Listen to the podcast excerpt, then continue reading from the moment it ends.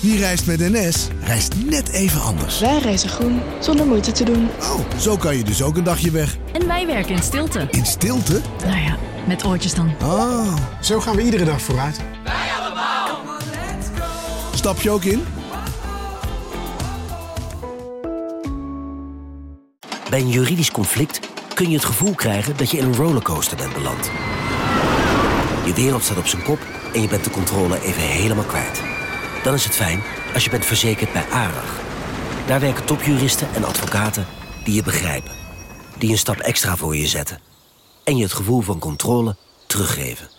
Met kennis en informatie, met heldere uitleg en met gericht advies. ARAG, juridisch probleemoplossers.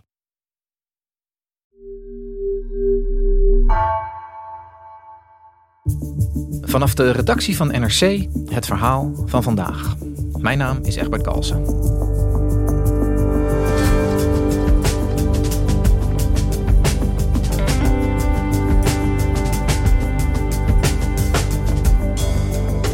In het Nederlandse parlement was Forum voor Democratie van Thierry Baudet de enige partij die de Russische invasie van Oekraïne niet wilde veroordelen. Politiek verslaggever Mark Lieverse Adriaanse volgt Baudet al jaren en ziet dat hij zich al langer aangetrokken voelt tot het leiderschap van Vladimir Poetin. Wat heeft Baudet te winnen bij het verkondigen van het Russische geluid?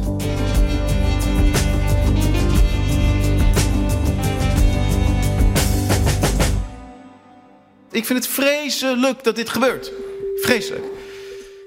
Ik snap alleen niet zo goed wat een oordeel in de internationale politiek te zoeken heeft.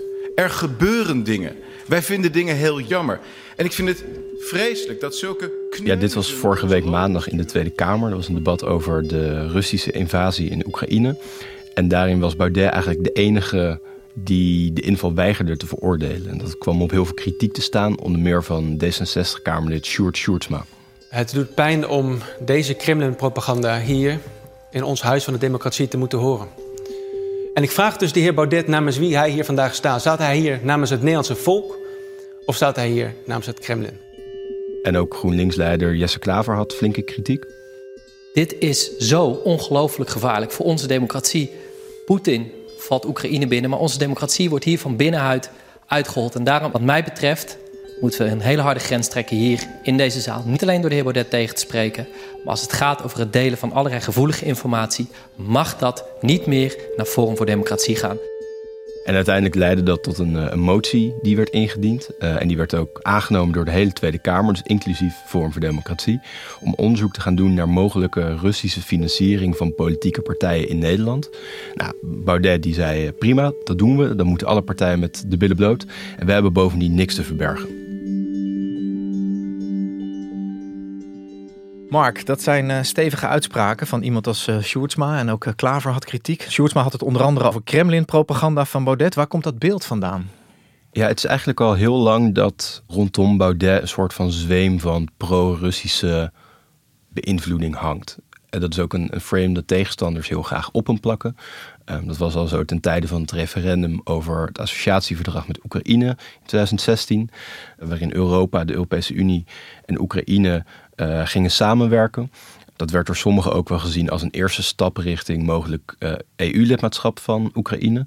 En dat haalde Oekraïne ja, naar de EU-familie toe, kan je wel zeggen. Daar was Baudet tegen. Uh, hij was toen een van de kopstukken van de tegencampagne, die zij ook wonnen. Hè. Het, het, het, Nederland verwierp het associatieverdrag in het referendum. En toen al waren er stemmen die zeiden: ja, de reden dat Baudet dit zegt, is omdat hij gesteund wordt vanuit Rusland. En dat zie je nu eigenlijk ook weer. Dat Baudet ja, eigenlijk heel veel van de Russische retoriek over de oorlog met Oekraïne overneemt. Poetin heeft aangegeven dat er ontzettend goed met hem te praten valt. Hij, hij, is een toonbeeld van mildheid geweest. Terwijl de NAVO oprukte tot, tot, tot enkele kilometers voor Sint-Petersburg enzovoorts. En uh, uh, Rusland continu wordt gedemoniseerd en vilified. En omdat Baudet sterk het Russische narratief overneemt, is soms wel het idee dat hij dat zou doen omdat hij beïnvloed wordt vanuit Rusland. Omdat hij bijvoorbeeld betaald zou worden of zijn partij betaald zou worden door Rusland om deze dingen te zeggen. Ja, en dat is ook de essentie van die motie die werd aangenomen, die partijfinanciering. Is dat ook zo? Wordt hij betaald door die Russen? Kunnen we dat op de een of andere manier hard maken? Op dit moment niet. Er zijn wel onderzoeken gedaan de afgelopen jaren. TV-programma Zemla bijvoorbeeld. Baudet verdient zijn geld op dat moment als commentator bij talkshows. Bijvoorbeeld bij Poont. En ze presenteerde toen een aantal appberichten die eh, Baudet gestuurd had aan eh, partijgenoten. Waarin hij uh, ja, impliciet en soms wat explicieter zei dat er betalingen zouden zijn van een bepaalde Russisch-Oekraïnse journalist. Een man die in het verleden ook banden had met het Kremlin. En die appjes impliceerden eigenlijk dat er betalingen zouden zijn geweest. Uit de apps blijkt dat Baudet al langer geïrriteerd is over Studio Poont. Hij vindt het programma oppervlakkig. Ik stop met Poont, ik neem morgen ontslag. Ik zie wel hoe ik aan mijn geld kom, maar dit niet meer in elk geval. En dan zeg je erachteraan, misschien wil Kornilov wat extra betalen. Dit schiet niet op. Baudet verdedigde zich door te zeggen dat het eigenlijk allemaal grappend bedoeld was. Want ja, iedereen zei dat wij betaald werden door de Russen, dus dan maak je daar grapjes over. En bovendien ontbreekt het bijvoorbeeld aan bankafschriften. Of ander echt hard bewijs waarmee je kunt zeggen: oké, er is een directe financiële link tussen Rusland, Russische organisaties en Forum voor Democratie. En vorige week tijdens het debat dacht ik ook van ja, je kan heel erg zoeken naar financiële verbanden. En misschien zijn die er ook als er echt goed naar gezocht wordt. Maar het idee dat Baudet dit zegt omdat hij betaald zou kunnen worden door Rusland onderschat eigenlijk de ideologische aantrekkingskracht die Rusland op Baudet heeft en ook op veel andere radicaal-rechtse politici. Ehm, ik denk dat hij deze dingen zegt omdat hij erin gelooft. Omdat hij in Rusland een ideologische bondgenoot ziet in de strijd voor een ja, ander Europa. Oké, dus die pro-Russische of die pro-Poetin houding, uh, zo je wil, van Baudet, die komt misschien niet voort uit financiële steun. Althans, dat, dat weten we niet. Hè. Dat kunnen we niet vinden in ieder geval. Misschien is het er ook al niet. Maar jouw overtuiging is dat het zeg maar, ideologisch heel erg aanspreekt bij Baudet. Wat is het dan precies in die Russische ideologie wat hem zo aanspreekt? Ja, het idee is dat, en dat is niet alleen bij Baudet, maar ook bij veel andere radicaal-rechtse politici in Europa, dat Poetin eigenlijk het Europa vertegenwoordigt zoals zij dat graag zouden willen zien.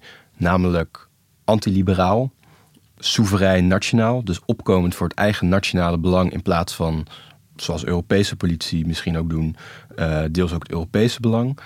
Een traditie die sterk geworteld is in christelijke waarden.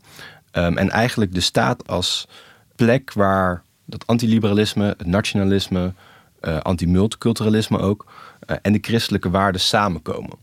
En Poetin vertolkt dan of eigenlijk of vertegenwoordigt of symboliseert de kracht die je dus als soevereine natie kunt hebben als je maar die afslag neemt. Als je maar de traditionele Europese nationalistische kant op gaat. Hoe uitzicht dat nou in politieke principes van Forum en van Baudet? Het idee is, Europa is door het liberalisme van de afgelopen nou, pakweg 200 jaar, 150 jaar, ontworteld geraakt van haar traditionele christelijke wortels, van haar uh, traditionele waarden. Uh, daarom zijn er nu homohuwelijken, LGBT-rechten. Dat, dat wijkt allemaal af van de traditie, van de worteling, um, van de culturele wortels die Europa heeft. En dat verlies is eigenlijk misschien wel de kern van Baudet's filosofie. Dus het idee dat Europa fantastisch kan zijn, maar we zijn het verloren. We zijn morele principes kwijtgeraakt. Um, ik sprak Baudet twee jaar geleden op een radicaal rechtse conferentie. Daar zei hij toen tegen mij dat uh, we geen nationale identiteiten meer hebben. We zijn allemaal migranten zijn. En er wordt afgerekend, zei hij toen, met onze historische overtuigingen en onze wortels. En onze nationale geschiedenis wordt zwart gemaakt. Onze steden worden onherkenbaar. Dus de kern is, we zijn niet verloren, maar Rusland heeft het nog. Ja. Dus als we maar meer het antiliberale, nationalistische van Rusland overnemen, dan kunnen wij ook weer groot zijn. Dan kunnen we ook weer geworteld zijn. Dan zullen we gelukkiger zijn. Dus voor Forum voor Democratie en voor Baudet, die zien eigenlijk in Poetin een gelijkgestemde op ideologisch gebied. Maar dat is nog wel wat anders dan dat je ook op geopolitiek vlak uh, achter Poetin aanloopt. Dat je het met hem eens bent. Bijvoorbeeld die invasie van Oekraïne, waar we het net over hadden. Hoe zit dat dan? Ja, het is goed om te vermelden dat Baudet de invasie niet veroordeeld heeft, maar ook niet expliciet heeft gesteund. Maar wat hij wel doet, is zich eigenlijk beroepen op hetzelfde historisch revisionisme dat Poetin aangrijpt om zijn oorlog te legitimeren. Namelijk, Oekraïne heeft geen bestaansrecht als soevereine natiestaat. Het hoort eigenlijk binnen het grote Russische Rijk. En de historische fout om Oekraïne wel een soevereine staat te maken, van 30 jaar geleden, die moet nu gecorrigeerd worden. Is Oekraïne een natiestaat? Dat is een interessante vraag. Ik denk dat Oekraïne. Het is een heel complex land, een prachtig land, heeft heel veel bijzondere volkeren en bijzondere regio's. Maar ik zou het geen natiestaat willen noemen. Dus ja, dan steun je inderdaad niet expliciet de invasie, maar wel de gedachte erachter. En dat gaat best ver, want dat is helemaal het argument eigenlijk dat uh, de afgelopen eeuwen van Oekraïnse taal, cultuur, het volk dat zich heeft ontwikkeld, oftewel de Oekraïnse natie die zich heeft ontwikkeld, die bestaat niet en die mag ook niet bestaan. Hey, en dat is de rol van Baudet in het Nederlands parlement. Dan kan je zeggen dat is in het Nederlands parlement. Maar wat heeft Poetin aan dit soort spelers binnen Europa? Spelers als Baudet, die zijn narratief eigenlijk overnemen. Veel. Ik sprak daarover met Alina Polyakova. Dat is een onderzoeker die veel onderzoek heeft gedaan naar ja, eigenlijk de, de banden tussen radicaal rechts in Europa en Poetin en, Moskou. En zij zegt dat uh, het steunen van die partijen um, een van de destabiliseringstactieken is die Poetin toepast in Europa. They really are selling the Russian narrative, Russian propaganda um, in their own countries. And that, of course, is very much um, in the interest of Russia. But they also do this while um, officially saying that this is their independent view. Um, and this is uh, a, kind of ideas that they formed on their own without any deep relationship or they're not being influenced by, by the Russian side. But of course, I think um, that's pretty disingenuous.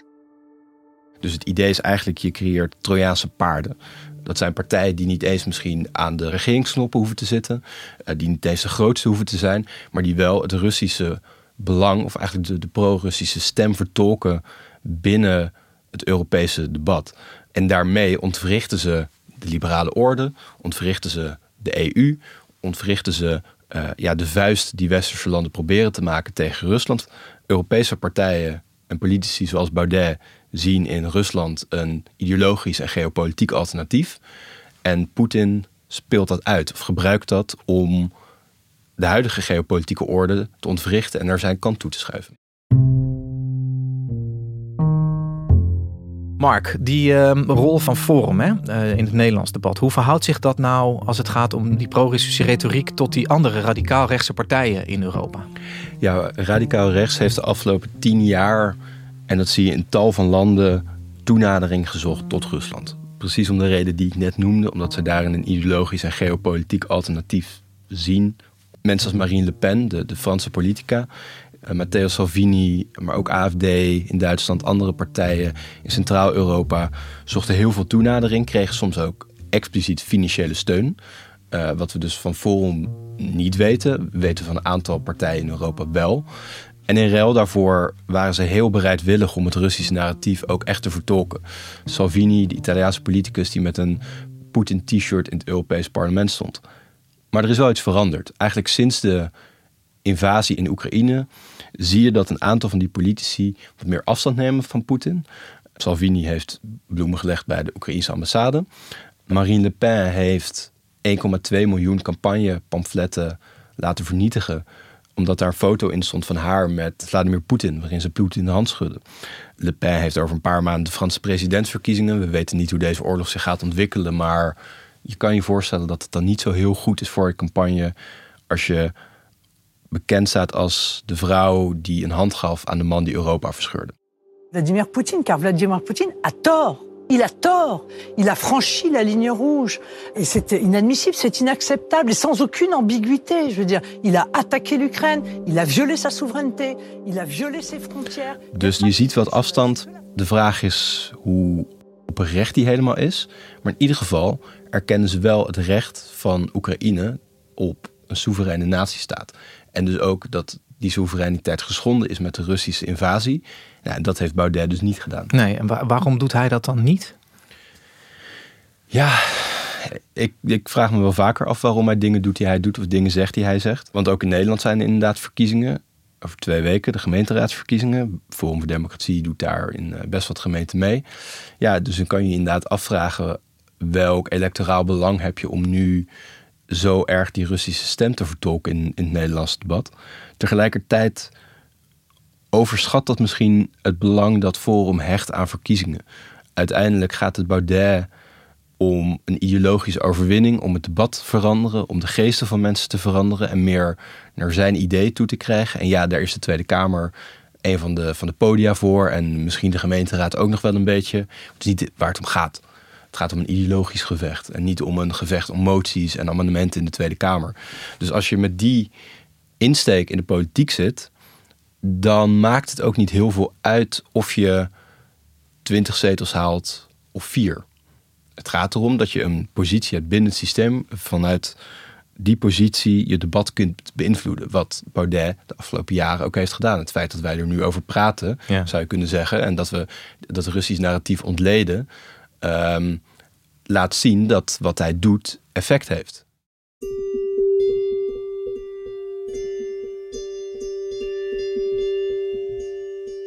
Als ik jou goed begrijp, lijkt het hem niet echt te gaan om zoveel mogelijk zetels te krijgen met dit standpunt, maar uh, vooral die ideologie uit te kunnen blijven dragen. Weten wij hoe de achterban van Baudet denkt over dit standpunt? Ja, het is moeilijk te zeggen. Kijk, de achterban van Baudet is kleiner dan toen na drie jaar geleden de Provinciale Statenverkiezing won. Het is ook een veel radicalere achterban. Een achterban die de afgelopen twee jaar heel sterk overtuigd is geraakt van het idee dat corona een complot is waarmee onze liberale orde wordt opgedrongen. Waarmee we onderdrukt worden. En dat zie je nu dus ook gebeuren dat zeg maar de, wat dan in de volksmond wappies worden genoemd of anti-coronademonstranten, ja, dit, dit pro-Russische standpunt overnemen. Afgelopen weekend was er een uh, anti-corona-demonstratie op het Malieveld. En daar zag je ook Russische vlaggen. En ook het Russisch narratief overgenomen worden dat de agressor niet Rusland is, maar het Westen. Dus ik denk dat hij de achterban die hij nog heeft, hier niet mee vervreemdt. En heeft Baudet er dan uiteindelijk wat bij te winnen bij deze positie? Als je het bekijkt vanuit liberaal-democratisch perspectief en de verhouding met andere partijen, denk ik niet. Als je het bekijkt vanuit zijn kant, zijn narratief, zijn perspectief, dan denk ik dat hij uh, met het verstoren van zeg maar, het liberale debat in Europa, als dat lukt, dan is dat voor hem de overwinning. Ja. Omdat dat dichterbij ja, het herstel komt dat hij wil, dat Poetin wil. Hey, en uh, of hij er wat bij te winnen heeft, kun je je dus afvragen vanuit ons perspectief. Zit er een risico voor Forum aan deze pro-Russische houding? Ja, het doet mij een beetje denken aan wat er gebeurde met de CPN, de Communistische Partij Nederland, in 1956. In 1956 sloegen Sovjet-troepen de Hongaarse opstand neer. De hele Tweede Kamer veroordeelde die inval op de CPN na.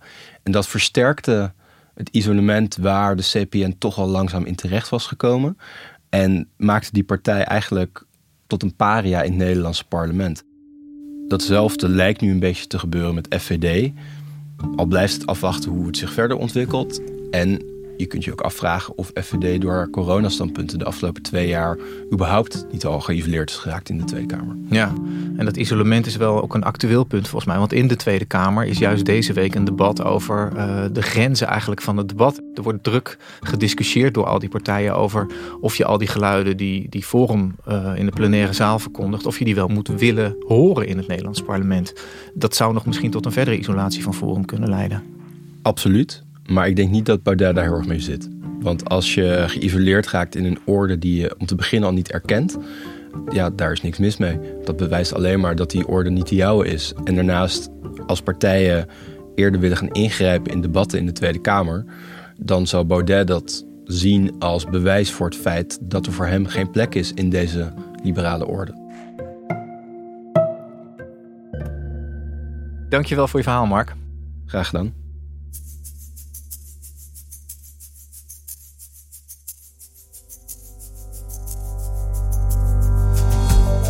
Je luisterde naar vandaag, een podcast van NRC.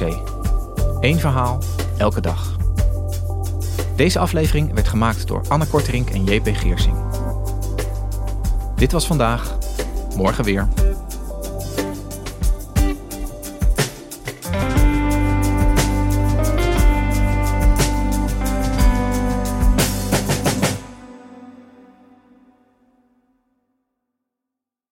Je hebt aardig wat vermogen opgebouwd.